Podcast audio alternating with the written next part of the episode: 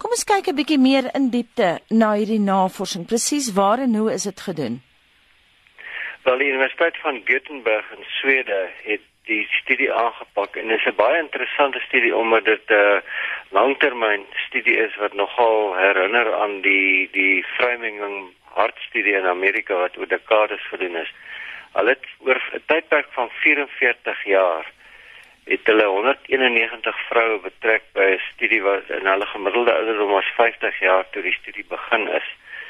En uh oor die volgende 44 jaar het hulle hierdie vroue se demensievlakke 6 keer getoets nadat hulle by die aanvanklike betrekking by die studie het hulle op 'n fiets laat klim en hulle tot 'n algehele vlak van uitputting gedryf om hulle kardiovaskulêre kapasiteit te meet.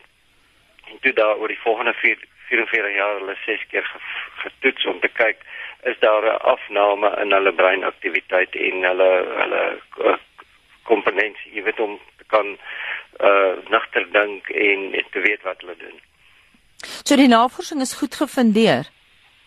Baie sterk gefundeer. Jy weet, daar uh langtermynstudies uh word meer en meer aangepak om jy nie net kan staat maak op een studie wat uh, net op 'n beperkte groepie mense gedoen is nie. In hierdie studie is nou juis uh toegepas op 'n langtermyn wat kan help om sekere bevindinge te maak uh, oor die effek wat oefening byvoorbeeld op op mense se lewenskwaliteit kan hê.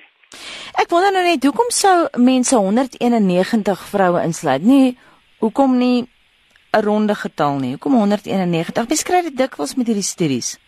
Wel, hulle gewoonlik uh, adverteer hulle of nooi hulle mense uit om by studies betrek te word, sou hulle belangstel om studies te doen en dan word daar allerlei veranderlikes ingebring of iemand geskik is om aan so 'n studie deel te neem. Daar het byvoorbeeld 45 vroue uitgeval uit hierdie studie uit omdat hulle uh oor die tydperk uh uh baie duidelike tekens getoon het dat hulle uh hartprobleme gaan optel en die soort van goed uh, of hulle dit self gewilliglik self onttrek aan die studie. Hulle wou nie verder daarmee voortgaan. Of hulle net doodgewoon dood dood gegaan voor die tyd. George wat verstaan ons onder die term demensie? Wel dit is uh, daar's baie studies wat daar gedoen word jy weet die vlakke van van uh mense word baie ouer nou omdat daar beter medisyne en en al die soort van goed is is en uh, die die toename in die diagnose van Alzheimer byvoorbeeld is geweldig en dit plaas 'n hele uh klomp druk op die sosiale sisteme van lande om vir ou mense te sorg wat nie meer vir hulle self kan sorg nie.